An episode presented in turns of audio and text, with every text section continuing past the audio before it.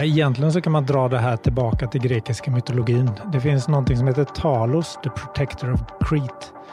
Det är en mänsklig byggd robot eh, som visar intelligent behavior. Men den moderna artificial intelligence började 1956 på Dortmundkonferensen i USA.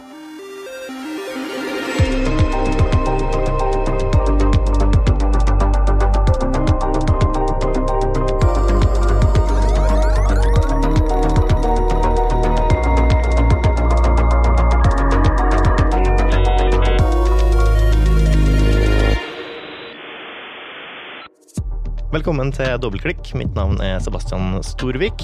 Dagens gjest er Thomas Nordlander fra IFE. Eh, du er forskningsdirektør og ble først introdusert for AI i 1993. Siden har du også tatt eh, doktorgrad i temaet. Men hva er AI for noe? Ja, eh, en väldigt vanlig definition på AI är intelligens som används av maskiner eller mjukvara. Men det här är en definition som är problematisk och det är på grund av att det finns ingen universell accepterad definition av intelligens.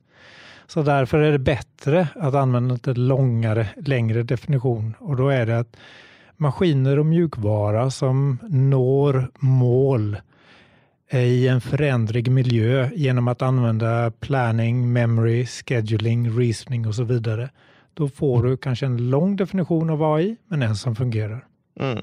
Og hva er historien eh, til AI, da? Når begynte man med kunstig intelligens? Ja, egentligen så kan man dra det här tillbaka till grekiska mytologin. Det finns någonting som heter Talos, the protector of Crete. Det är en mänsklig byggd robot eh, som visar intelligent behavior.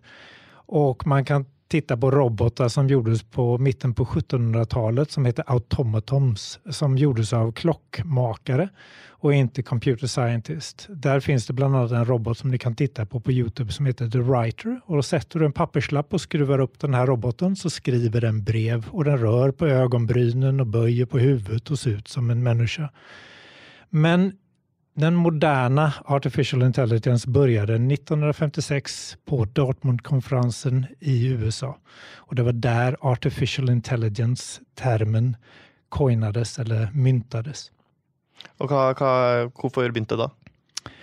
Ja, det som var då det är att eh, Alan Turing, som är en av fadern när det gäller computer science, eh, hade lagt grundlaget när det gäller binära systemet och att driva med matematik på det binära systemet. Och han tillsammans med några andra hade börjat titta på datamaskinerna för att se vad man skulle kunna göra med det. Så Alan Turing publicerade bland annat Can Machine Think, jag tror det var 1950 redan.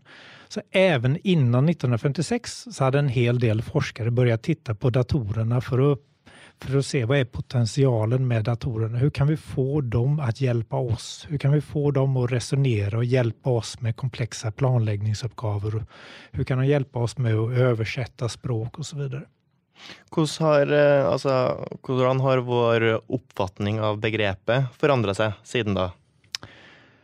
Ja, vi har haft flera stycken vad vi kallar AI-vintrar och AI-vårar. Eh, och när det är AI-vinter så är AI någonting fult och det är ingenting som man önskar investera pengar i. Och när det är AI-vår så kastar man pengar på allt som man tror är AI. Så det hela började 1956, eller egentligen 1957, och det var när Sputnik skickades upp eh, av Sovjet och USA blev lite oroliga över att Sovjet skulle vinna den teknologiska kampen och öppnade då väldigt mycket pengar när det gäller automated translation, att översätta ryska till engelska. Och det här eh, spenderade de väldigt mycket pengar i. Och det var väldigt mycket pengar då som AI-forskare fick på det här. Mm. Men uh, du prata litt om uh, de Altså, AI er ikke bare én ting. Nej. AI är i eh, hvert fall inte bara maskinläring. Nej, och det finns en eh, tidigare eh, kollega till mig i Skottland som heter Alan Bundy som har skrivit en bok som heter AI Techniques. Och jag brukar ibland när jag presenterar visa upp innehållsregistret av olika AI Techniques. Och det går på många sidor. Så det är mycket mer än vad bara machine learning som har blivit populärt eh, de sista tre åren. För att göra det mer komplext, machine learning innehåller också tekniker som inte tillhör AI. Men det vi egentligen pratar om är deep learning, eh, och neurala nätverk. Mm. For å dra litt uh, politisk igjen, altså, hvor mange arbeidsplasser tror du vil bli overflødig når AI da eventuelt kommer og tar over? Jag är inte så övertygad om att det blir arbetsplatser över. Jag tror att det ändrar sig. Jag tror att det blir så att man får andra arbetsuppgifter. Som om vi tar till exempel på 70-talet när robotarna kom in och vi började automatisera så var det ju ingen som tänkte att vi skulle ha folk som driver med webbsidor och så vidare. Så det är bara det att det dyker upp nya roller. Och Jag tror också det var så att om jag inte missminner mig, på industriella revolutionen i England, när du hade textilfabrikerna så var det uppror och folk bröt sig in i fabriken och slog sönder maskinerna för de var oroliga att det här var slutet för människan med allting blir automatiserat. Det blev ju inte så då. Det blev heller inte så att robotarna tog över allt som har med bilindustrin. Om du tittar på Volvo så har de fortfarande väldigt många anställda. Så det blir mer fokus med hur människan och maskiner kan arbeta tillsammans. Man-machine interaction. Mm. Är vi klara för den här ändringen? Nej, jag tror inte vi är riktigt klara för den här ändringen. Uh, jag tror att vissa länder och grannländer är kanske lite längre fram. Om vi tar Finland till exempel så har vi programmering som ett av grundfagen i Finland, precis som de läser matte, matte och finska, medan här i Norge så har vi inte programmering som ett obligatoriskt grundfag. Så att nej, vi är inte riktigt klara för det. Det är också det att vi har många bedrifter här i Norge som kanske skulle bli mer konkurrenskraftiga om de använder AI. Men de har varken pengar, tid eller huvuden för att avgöra om AI kan hjälpa dem eller inte. Mm. Vad kan vi bli god på uh, här i Norge, då, eller i Sverige, Skandinavien generellt, med AI? Vad är det vi kan konkurrera på? Ja, jag skulle vilja säga att när det gäller basforskning på AI så är loppet lite kört för oss att leda. Uh, vi har inte pengar, tid eller huvudena för att göra det och det är andra länder som ligger så långt före oss. Men om vi tittar på använd forskning, att ta AI-forskningen ut i industrin för att göra den konkurrenskraftig. Här skulle vi kunna leda på vissa områden.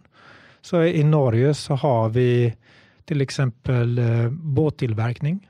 Eh, vi har autonoma skepp, vi har fiskeri, vi har skogsbruk och så vidare. Vi har olika delar där. I Sverige så har vi bilindustrin. Så det finns flera olika områden där och i Skandinavien så har vi också ett eh, trust när det gäller myndigheter och organisationer när det gäller använda algoritmer. Så vi kan testa ut ganska mycket. Mm. Hva med eh, I hvert fall eh, uh, medisinsk så har jeg hørt at eh, Norge og Skandinavia ligger ganske godt an, for vi har ganske mye data. Vi har legejournaler, vi har ført Altså, vi har digitalisert Legemiddelverket for ganske en god stund siden. Mm. Är det här något vi kan bruka? Ja, det kan vi göra. Det är så också att med GDPR så finns det också vissa begränsningar hur vi kan koppla ihop dataregister med varandra. Och jag tänker att man bör titta lite närmare på vad det är vi förlorar med att vara för strikta med GDPR och vad det är vi kan vinna med att vara strikta med GDPR. Jag är är lite orolig över när vi inte kan koppla upp medicinska register för att identifiera symptomer på eh, svåra och kostsamma sjukdomar eh, tidigt på grund av att vi ska skydda eh, den enskilda patienten. Medan om vi hade kunnat koppla ihop det här så kunde vi hitta och undvika att sjukdomar utvecklas och blir dyra och personer får lida. Så jag tänkte egentligen att det skulle inte skada med forskningsprojekt för att se hur strikt ska vi ha GDPR när det gäller eh, patientjournaler och så vidare när det gäller forskningsprojekt för att identifiera cancer eller eh, ärftliga sjukdomar väldigt tidigt. Mm.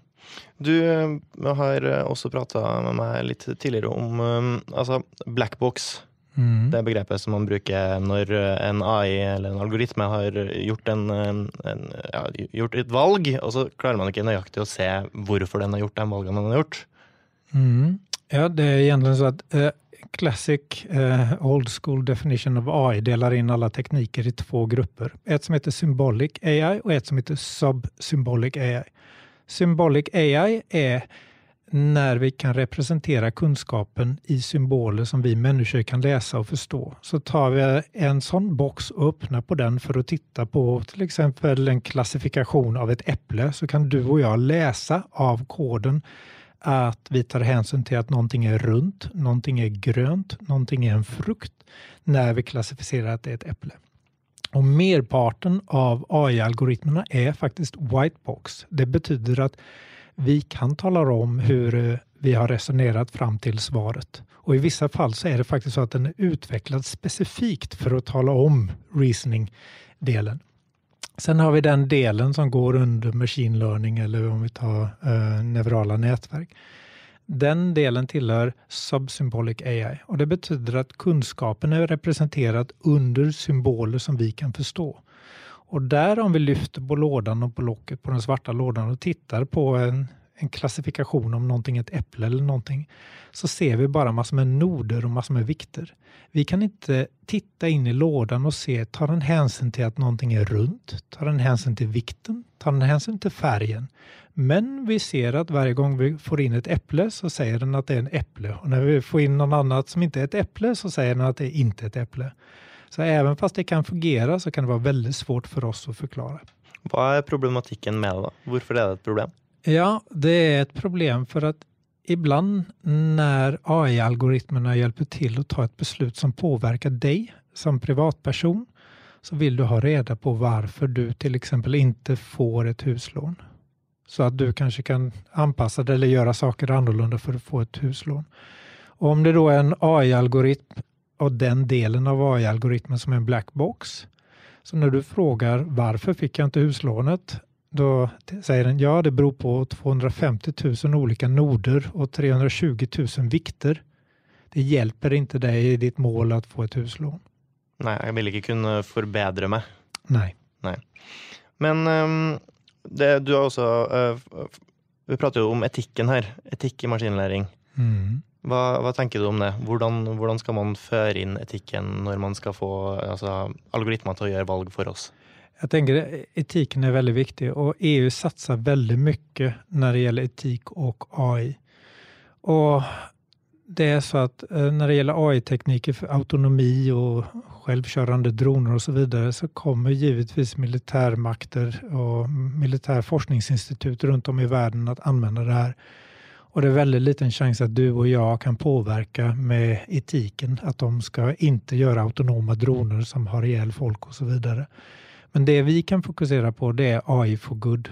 De kommer använda det oavsett vad vi gör, men det vi kan göra är att vi kan se till att vi använder AI för FNs bärkraftsmål. Vi kan använda AI för att hjälpa folk som är eh, har, eh, eh, handikappade eller någonting för att klara sig och få ett bättre liv. Mm.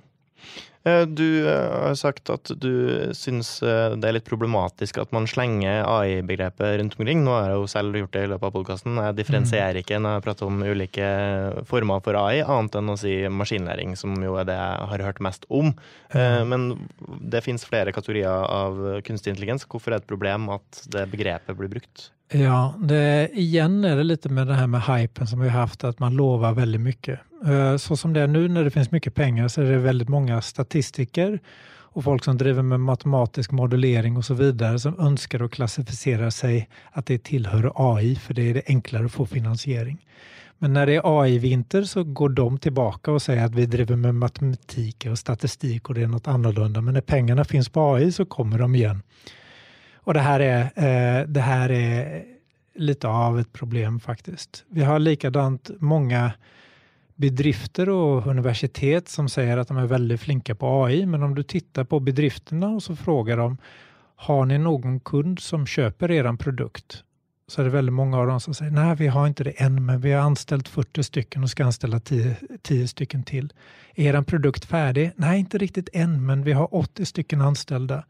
Och när jag ibland lyfter på locket och tittar i algoritmerna och börjar peka och pirka lite på det så upptäckte jag att det inte är AI som de har, utan det är andra typer. Statistisk matematik eller eh, matematisk modellering till exempel. Mm. Och likadant när vi tittar på högskolor och universitet. Förmodligen så majoriteten, om inte alla, driver med AI nu. Men hur länge har de drivit med AI? Hur många årsverk är det av forskning som de har med det? Så det är väldigt lätt att ni får några som säger sig vara experter men egentligen inte är det. Och här är problemet, finns det några experter i AI? AI är ett väldigt brett område. Jag skulle kunna tänka mig att det finns kanske 100-150 olika AI-tekniker, varav machine learning är några få. Mm. Så att säga att du är expert på AI eller att det är black box problematiken med AI är så vansklig när majoriteten av AI-algoritmen är white box. Och när du kanske kan några tekniker och är experter inom vissa AI-underkategorier, men det finns nog inga experter i hela AI. Nej, så när jag har kallat dig en AI-expert så är också det fel? Jag skulle nog säga att du är en expert inom några delar av AI. Ja, och det är din del av AI där du är bäst? Det är constraint programming och expertsystem. Tusen tack för att du kunde komma, Thomas. Tack själv.